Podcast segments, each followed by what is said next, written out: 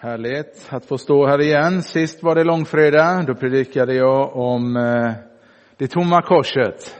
Och idag har vi den tomma graven framför oss. Vi lägger denna stund i Jesu händer. Herre, vi tackar dig för den här gudstjänsten.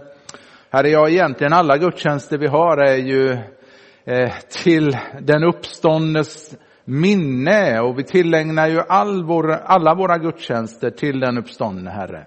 Det är därför vi samlas i tron på Jesus Kristus, den levande.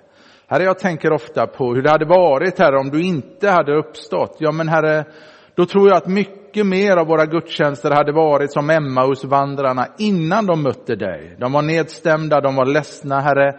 Jag tänker det är inte mycket, mycket attraktion över det, Herre. Men när de mötte dig, när du öppnade skrifterna för dem när du förklarade att du var den utlovade Messias från början av Mose genom profeterna. Ja, Herre, då brann det till i deras hjärtan. Och jag ber att detsamma ska ske nu, Herre, när vi öppnar skriften, Herre, att strålglansen ska träffa oss, Gud, att vi ska förstå att det här är på riktigt. Amen. Ja, den bibeltext som har träffat mitt hjärta idag, den är hämtad ifrån andra Korintierbrevet, det femtonde, eller det femte kapitlet, de fem första verserna. Vi vet att om vårt jordiska tält rivs ner så har vi en byggnad från Gud, en evig boning i himlen som inte är gjord av människohand. Därför suckar vi i vårt tält och vi längtar att få iklä oss vår himmelska boning. För när vi väl är klädda i den ska vi inte stå där nakna. Ja, vi som bor i detta tält suckar tungt. Vi vill ju inte bli avklädda utan påklädda så att det som är dödligt uppslukas av livet. Och den som har berett oss för just detta är Gud som har gett oss anden som en garant. Inför påsken 2018 så skrev signaturen Majsan på GPs fria ord. Vi ateister behöver inte oroa oss för vad som händer efter döden. Min första tanke när jag läste Majsans insändare var hur hon som ateist kunde vara så säker på det. Undra om Majsan är lika orädd för döden i dessa dagar. Och om så tror jag att hon är tämligen ensam. De flesta människor räds av tanken på döden. Låt mig slippa lida. Låt mig slippa ha ont. Låt mig slippa dö ensam. Låt mig slippa dö för tidigt. Döden tvingar oss att inse att livet här nere på jorden inte varar för evigt. Livet är kort, det är bräckligt. Aposteln Jakob han skriver, ni vet ingenting om morgondagen. Vad är ert liv? Ni är en dimma som syns en liten stund och sen försvinner. Någon har sagt, inget i livet är lika visst som skatter och döden. Och det stämmer delvis. En människa kan ju faktiskt smita undan skatt genom att gömma undan sina pengar i ett skatteparadis. Men hon kan inte undfly döden. Varje sekund så dör två personer runt om på jorden. Människan är ett mirakel, men från döden finns inget botemedel.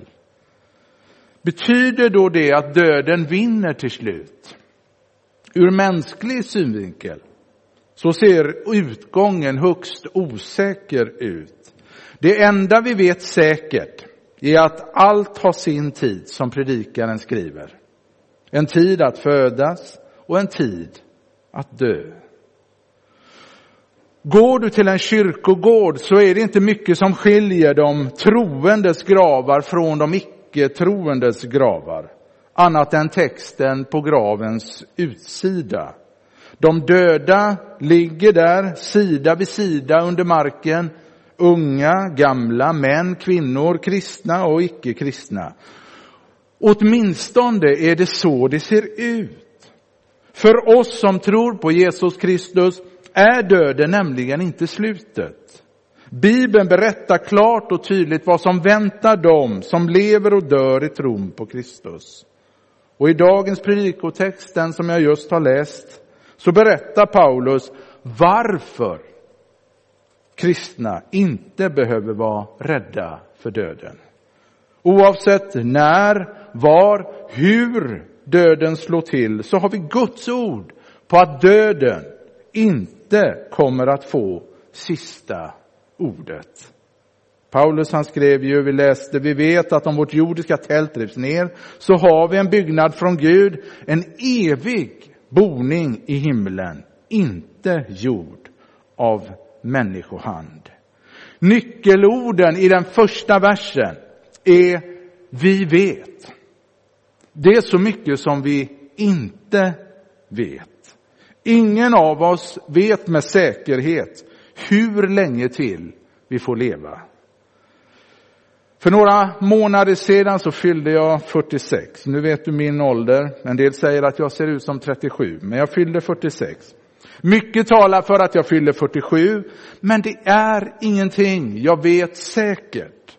Varje andetag jag tar och som du tar är en gåva från Gud. Vetenskapen har inte mycket att säga till om vad som faktiskt händer efter döden. Ingen avliden vetenskapsman, filosof eller ateist kan ge några evidensbaserade svar på vad som händer minuterna efter dödsögonblicket. Kyrkogårdarna ger oss inga svar de heller. Men Paulus skriver att det finns ett par saker vi faktiskt kan veta säkert. Han skriver att vi bor som i ett tält här. Ska jag vara helt ärlig så bor jag hellre på hotell än i tält. Och då är jag ändå en riktig scout. Och min fru ogillar när jag säger så. Min värsta tältupplevelse ägde rum för över 20 år sedan. Jag och en god vän, vi bestämde oss för att bege oss ut på vandring och tälta i skogen. Och på natten så låg vi och skrämde upp varandra. Så att ingen av oss kunde sova. Och när vi dagen efter fortsatte vår vandring fick vi syn på en skylt och vi vände oss om och vi såg att på skylten så stod det att det var en skjutbana vi hade legat på. Paulus skriver att våra kroppar är som tält. Alltså det grekiska ordet är tabernakel. Alltså det är av denna skapelse, ej för evigt. Det är ändå samtidigt en förebild på vad som komma skall. Ett andens hem, här och nu men också för evigt. Liksom tält så slits våra kroppar ut. De kröker sig, tappar spänsten, blir skrynkliga och sjunker ihop. Med åren så slår hjärtat långsammare. Syn och hörsel försvagas. Tänderna trillar ut, lederna verkar, benen bär inte, ryggen kröker sig och kroppen buktar ut på fel ställen. Backarna som vi sprang för, uppför i vår ungdom, tar på ålderns höst en hel dag att återhämta sig ifrån. Sundare levnadsvanor förändrar inte det faktum att vi en dag ska dö. Vi kan bromsa förloppet, men inte för alltid. Det hörs på orden att det är skillnad på ett tält och på en byggnad. Tält är temporära, bräckliga, faller ihop, går lätt sönder och måste bytas ut. En byggnad är stark, står på stadig grund och står orubbligt fast. En vacker dag ska vi lämna vårt jordiska tält och byta ut den mot en varaktig, oförstörd byggnad från Gud. Döden är inte slutet det är snarare ett inbyte. En vacker dag ska vi få byta ut våra utslitna kroppar mot en ny, en kropp som består för alltid. Och Paulus han skriver i bibeltexten om denna uppståndelsekropp att den är från Gud.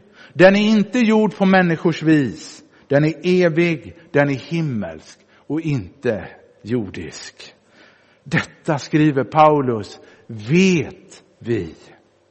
Därför suckar vi i vårt tält och vi längtar att få iklä oss vår himmelska boning. För när vi väl är klädda i den ska vi inte stå där nakna. Ja, vi som i detta tält suckar tungt, är hårt pressade.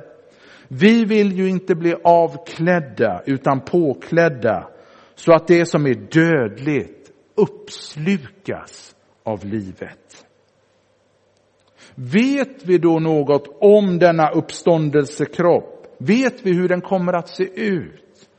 Ja, texten ger oss faktiskt ett par säkra svar. Paulus han använder i den andra versen ett ord som bokstavligen kan översättas med att bli överklädd.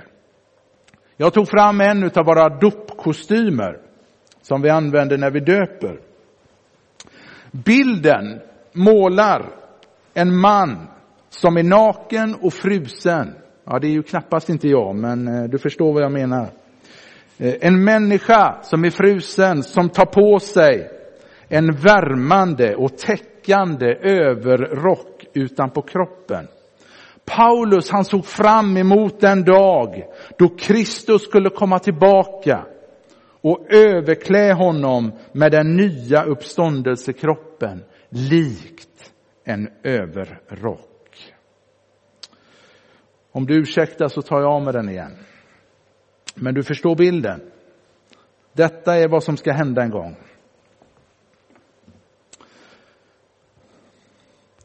Har du tänkt på att människor suckar en hel del?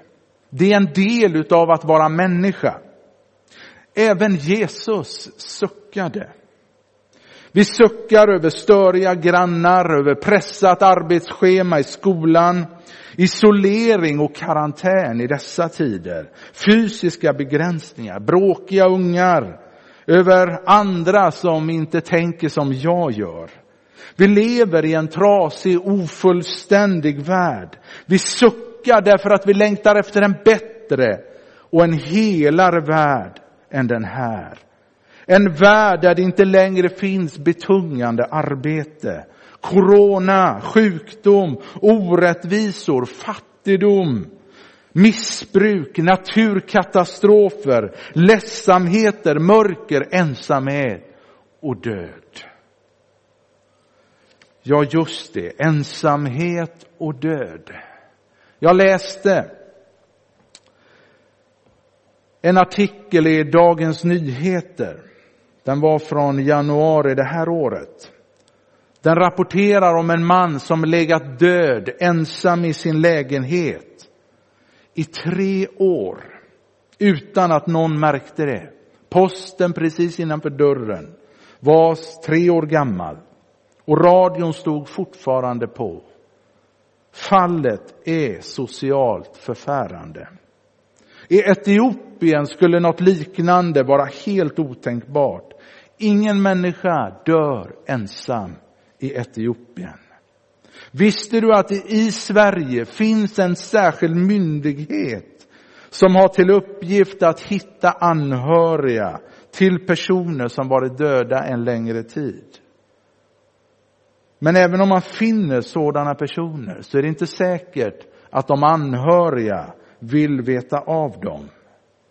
En sån gång är det en lycka att få dö omgiven av nära och kära. Vad kan vi då säga om de kristna som hinner dö i tron innan Jesus Kristus kommer tillbaka? Det vi vet säkert, skriver Paulus, är att de är hemma hos Herren. Till församlingen i Thessalonike som funderade över dessa frågor en hel del, över dem som hade hunnit dö i tron, Så skriver Paulus. Bröder, vi vill att ni ska veta hur det blir med dem som har insomnat, så att ni inte sörjer som de andra, de som inte har något hopp. Eftersom vi tror att Jesus har dött och uppstått, så ska Gud på samma sätt genom Jesus föra fram de insomnade tillsammans med honom. Vi säger er detta enligt det ord från Herren. Vi som lever och är kvar till Herrens ankomst ska inte alls komma före de insomnade. När en befallning ljuder, en ärkeängels röst och en Guds basun, då ska Herren själv komma ner från himlen. Och de som har dött i Kristus ska uppstå först. Därefter ska vi som lever och är kvar ryckas upp bland skyar tillsammans med dem för att möta Herren i rymden. Och så ska vi för alltid vara hos Herren. Trösta därför varandra med dessa ord. Men en fråga kvarstår. Hur kunde Paulus vara så säker på vad som skulle hända efter döden? Jo, föga överraskande är svaret. Den som har berättat oss för just detta är Gud. Är allt det du och jag ser runt omkring oss verkligen allt? Nej, svarar Paulus bestämt. Gud har skapat oss för någonting mycket bättre än all den ondska, sjukdom, trasighet som vi ser runt omkring oss. Tack vare Jesu uppståndelse från de döda finns en ny kropp i beredskap åt oss som tror. En ny kropp, inte alls samma som förut. En ny kropp, inte lappad och inte lagad. En ny kropp med igenkännbara drag. Men kan vi verkligen vara säkra på att få återse de nära och kära som dött i tron? Svar ja, av två skäl. Det främsta skälet till att vi kan se fram emot den dagen är Jesu Kristi uppståndelse. Om inte Gud övergav sin egen son i graven kommer han heller inte överge dem som tror på honom. Om Jesus besegrat graven kan döden omöjligt segra i slutändan. Detta löfte har nämligen evighetsgaranti. Paulus han skriver, Gud har gett oss anden som en garant. Du känner till det här med handpenning. När vi för en tid sedan hyrde en stuga uppe i Sunne så var vi först tvungna att betala handpenning. Och det är ju som ni vet en liten summa, ett förskott på som förbinder mig som hyr stugan att betala hela summan, resterande summa senare. Anden som bor i oss är garanten på vår framtida uppståndelse. Gud skrev under Luftet om vår uppståndelse med sin egen ande, med sin signatur och sa, jag ska uppväcka er alla som tror på min son. Därefter betalade han handpenningen i kraft av sin ande. Kan man ju fråga sig vad detta betyder för dig och mig personligen idag. Jag tror faktiskt att många utav oss skulle behöva ändra sin uppfattning, sin syn på döden. Någon har nämligen sagt att vi är inte på väg från de levandes land till de dödas land. Vi är på väg att lämna de dödas land för det levande. En vacker dag så kommer vi alla att dö. Efter att en läkare konstaterat att vi är döda så kommer vi föras till bårhuset och förberedas inför vår begravning. Under begravningsceremonin så kommer människor förhoppningsvis säga några väl valda ord om oss och sjunga sånger som betytt mycket för oss under jordelivet. Jag säger inte detta för att oroa någon utav oss. Det är bara ett faktum. Mannen som skrev dagens bibeltext, han dog några år efter att texten var färdigskriven. Detsamma gäller oss alla andra som dött i tron. Men Gud var det tack för att döden inte har sista ordet. Våra nära och kära som har dött i tron är som texten säger hemma hos Herren. Men detta är ändå inte allt. Gud är inte färdig med dem än. De och vi som ännu lever har mer att se fram emot. Det är som texten Gyllene morgon.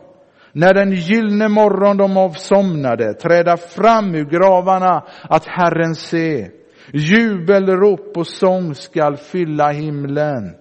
Ty de kära evigt mötas få igen. Detta detta är vårt saliga och ljusa framtidshopp. De dödas uppståndelse kommer att äga liv. Rum, du kan satsa ditt liv på det. Gud har nämligen gett oss sitt ord på det. Påskens budskap lyder, Gud har inte bara frälst dig från syndens straff. Gud har inte bara frälst dig från syndens makt. Gud har också och kommer att frälsa dig från syndens närvaro. Det är väl knappast någon nyhet i dessa dagar att livet rymmer mycket oro och kamp. Ibland tvingas vi erkänna oss besegrade. Men i den sista striden, den mot döden, kommer Guds barn att utgå som segrare. Någon har sagt, döden akta dig för att bli alltför stolt. Gud kommer inte låta dig vinna. I 200 år så har människor kunnat läsa ovanpå kyrkogården, alltså porten till kyrkogården på Stampens kyrkogård. Tänk på döden. Fram tills för något år sedan då någon satte upp en text ovanför. Tänk på livet. Och båda är riktiga. Besök en kyrkogård där du vet att det ligger kristna människor begravda och du befinner dig i själva verket på en åker, Guds åker. Påminn dig om att platsen, marken där du står, är helig.